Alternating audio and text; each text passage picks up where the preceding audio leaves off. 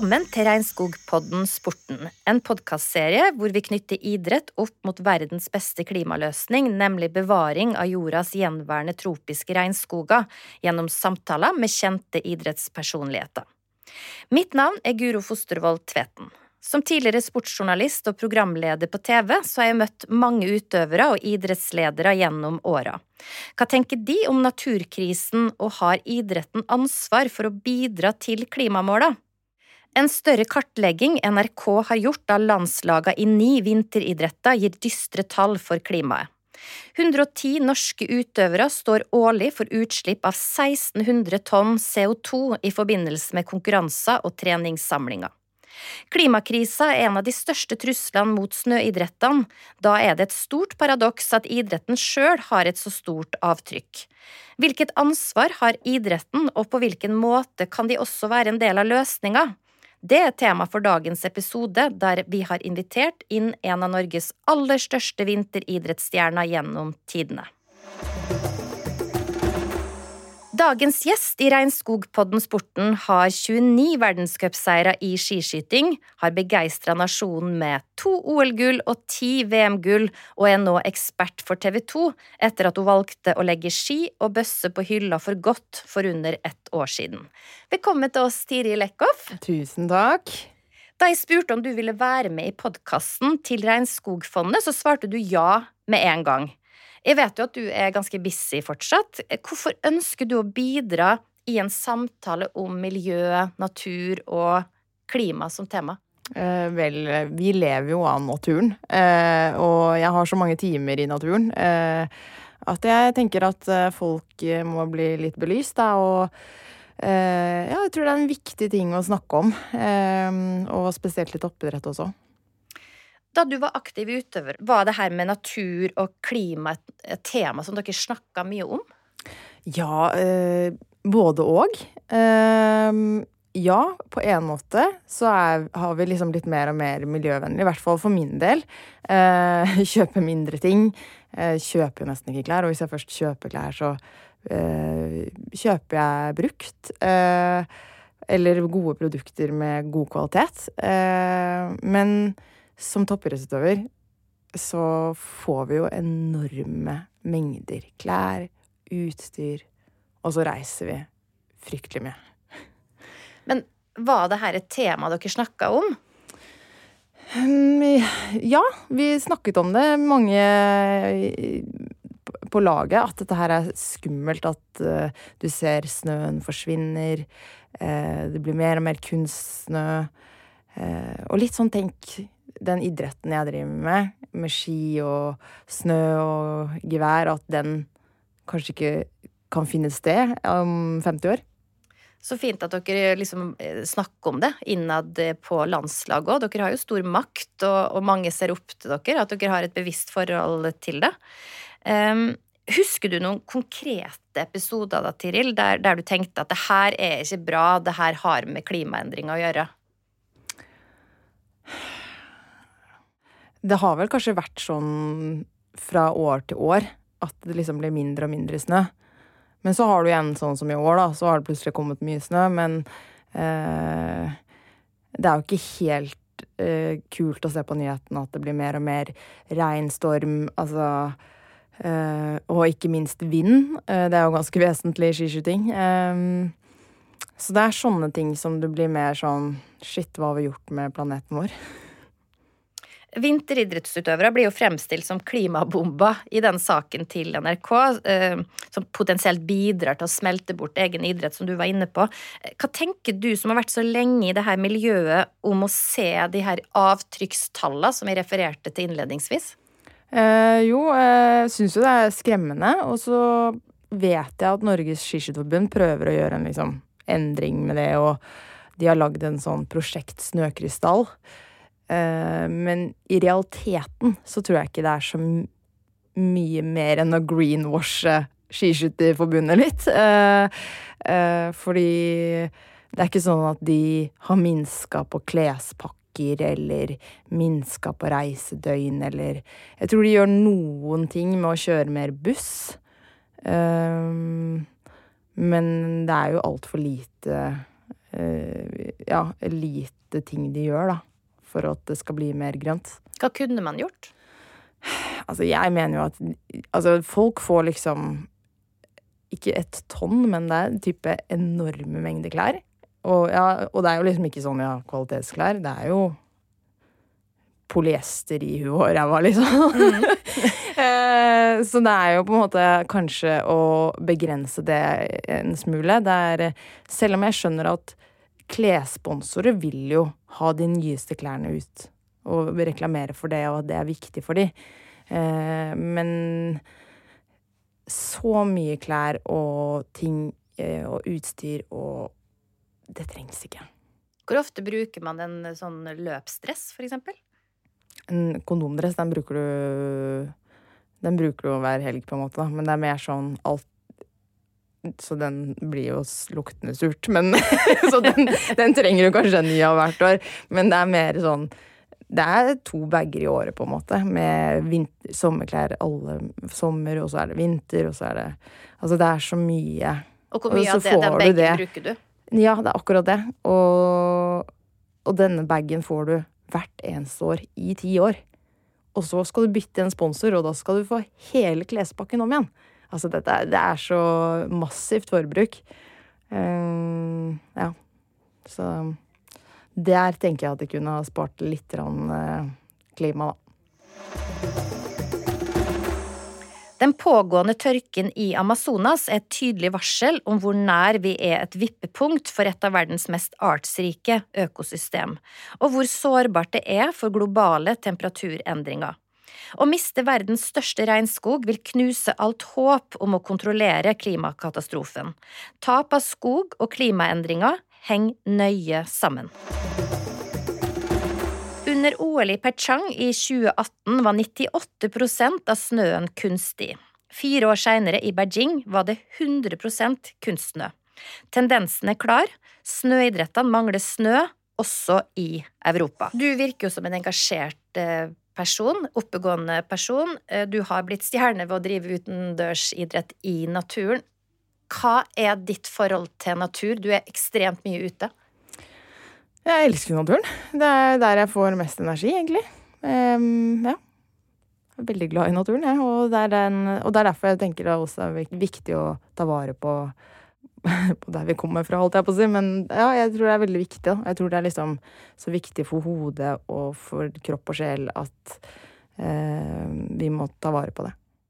Hvilke tanker har du gjort deg av å stille til start i renn med nesten rein kunstsnø i løypa, Tiril? Hvordan høres samtalene ut mellom dere utøvere når det skjer?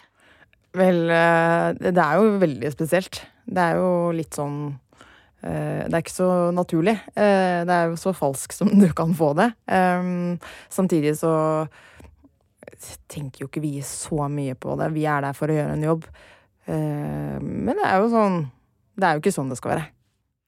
Eh, hvordan har din bevissthet rundt det med natur- og miljøpåvirkning eh, utvikla seg gjennom karrieren din som skiskyting? Altså Man blir eldre, klokere, former seg mer, tenker kanskje litt annerledes? Eh, ja, det er jo litt sånn som jeg sa tidligere, at med, med alderen så har jeg skjønt at det kanskje ikke er helt sunt, det vi driver med. og at jeg som skiskytter som har reist hele livet, kan ikke stå og fronte jeg kan ikke være helt Greta Thunberg, dessverre. Uh, men uh, uh, ja, jeg har jo personlig bare Jeg tar noen valg, da, i mitt liv. Og velger ja, å leve minimalt selv. med materielle ting. og så prøver jeg på en måte å gi bort til yngre, da, sånn utstyr og sånn, sånn at de slipper å kjøpe nytt. Dere gjør bare jobben deres da, når dere frakter dere sjøl rundt, som du sier. Eh, utstyr, teamet, alle skal fly rundt i, i verden. Eh, samtidig så har dere veldig stor makt. Folk ser opp til dere, dere har påvirkningskraft. Hvordan tenker du at idretten kan brukes opp mot viktige verdispørsmål som klima? Det er et godt spørsmål. Eh, jeg tror eh, jeg tror eh, Vi har jo på en måte ikke de beste verdiene. Vi kan ikke ja, Sånn som med at Skiskytterforbundet har fått på en snøkrystall i håp om at vi er mer miljøvennlig. Eh, det er man jo ikke. Men eh, man kan jo stille liksom spørsmål med at eh, kanskje man skulle ha sentrert skirennene mer. At man ikke trengte å reise Europa rundt. At man tok tre uker av gangen ett sted, tre uker en annet sted istedenfor å få den heftige reisebelastningen. Og det tror jeg hadde vært eh, godt for utøverne også. Men er det her ting som, som, eh, det kan legges press på fra dere utøvere, eller er det her som ting, ting, bare kjører på sånn som man er vant til at det kjører på? Ja, jeg vet jo at IBU også har vært veldig på noen sånn eh, spennende varianter med å være mer miljøvennlig. At de har planta et tre, for eksempel. Eh, det er nok litt greenwashing, det også der. Eh, men eh, det snakkes jo om. Men det gjøres kanskje ikke de mest radikale endringene. Men nå snakker du om det her. Det er en god Det, det er et godt bidrag, Tiril. Ja. Forskninga er helt klar på at de områdene der urfolk forvalter skogen og har landrettigheter til områdene sine, er naturmangfoldet høyere og avskoginga lavere. Dessverre har urfolk i altfor liten grad blitt inkludert i avgjørelser som angår dem, og de har mottatt svært lite finansiering. Regnskogfondets rapport Falling Short fastslo at bare 1 av globale klimamidler kom fram til urfolk og lokalsamfunn. Hvilke tiltak mener du man kunne vurdert som ville vært en vinn-vinn for både idrett og klima? Du har vært inne på det litt med å mm. sentrere ting og, og, mindre klær. Er det andre ting man kunne ha, ha, sett på som ville ha gjort en stor eh, forskjell? da? Jeg tror jo på en måte idretten er veldig viktig for folk flest. Og det å få folk ut og bli inspirert til å trene og, og eh, benytte seg av naturen. Så jeg tror eh, det er viktig. Det er ikke sånn at man skal legge ned idretten fordi det ikke er bra for miljøet. Eh, men jeg tror eh, det er liksom noen sånne bærekraftige ting man kan gjøre, da. Eh, nå mener jeg ikke at alle skal spise vegetariansk, liksom. Det, men jeg, jeg, altså jeg tror kanskje, at, kanskje noe der. Og at kanskje, ja sentrere løpene mer, og eh, ikke ny klesspark to ganger i året, altså. Det, det er en miljøversting. Hva slags forhold har du til mat og klima? Eh, jeg spiser ikke så mye rødt kjøtt, men jeg spiser mye vilt. Eh, men det er jo kortreist fordi jeg har en kjæreste som er litt ivrig der. Mm. Eh, men eh, jeg, jeg liker veldig godt eh, å spise vegetariansk og vegansk. I, men jeg er ikke noen fanatiker. Du har altså lagt en lang toppidrettskarriere bak deg. Et toppidrettsliv som fyller mye, og lidenskap og engasjement. Nå fyller du også deler av det ved å være ekspert for TV 2. Hva skal du bruke stemmen og posisjonen din til fremover utover det? Eh, kanskje jeg må bli, være en sånn forkjemper for miljøet. Eh, men jeg er også veldig opptatt av mental helse og, og, ja, og mennesker bak, bak fasaden. Eh, jeg har lyst til å eh, bruke min jobb som ekspert i TV 2 og, og, bli litt mer kjent med utøverne og litt sånn Ja, ikke bare det derre Resultatjaget? Ja. At jeg har litt eh, lyst til å bli litt eh, kjent bak, bak fasaden. Så det, det, har jeg lyst til å bruke i min posisjon til. Og det er veldig mye bærekraft i eh, god psykisk eh, helse og fokus på det også, så det hører jo sammen med det vi snakker om eh, nå. Altså, naturen har mye Altså, det er så bra eh, hvis folk kunne kommet seg litt mer ut og eh, fått pussa litt frisk luft istedenfor bare å tråkka i asfalten i sentrum. Helt enig. I denne podkastserien så inviterer jeg altså gjestene mine til å være idrettsminister for en dag. Du kan gjøre hva som helst for miljøet. Hva hadde du gjort, Tiril Eckhoff? Hoi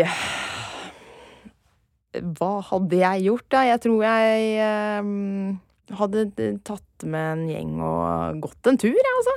Ja. Snakka litt på hva vi kan gjøre for å, for å bli litt bedre. folk med innflytelse og makt Ja, ut i naturen. åh, ja.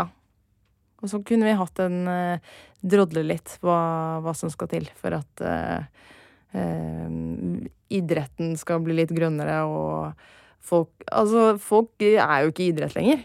Eh, og hvordan vi skal fortsette å få folk til å røre på seg. Eh, så jeg tror vi måtte hatt en liten brainstorming på det området der. Rundt leirbålet. Ja, ja, åh, ja. Ikke tenne opp et bål og Verdensproblemet blir løst rundt et bål, vet du. Jeg er helt enig. Jeg, hadde, jeg håper du inviterer meg inn, så jeg kan i hvert fall i det minste sitte litt i bakgrunnen og høre på dere når dere sitter og løser verdensproblem. Det burde sannsynligvis flere gjort. Ja. Jeg vil bare si tusen takk til dagens idrettsminister Tiril Eckhoff. Takk for at du kom, Tiril, og delte dine tanker og erfaringer rundt det å drive vinteridrett i verdenstoppen med alle som hører på Regnskogpodden Sporten, og lykke til med ekspertrollen i TV 2 og det du skal fremover, og hvordan du skal bruke din eminente stemmeopposisjon. Vi heier i hvert fall veldig på det. Tusen takk. Takk for at jeg fikk være med.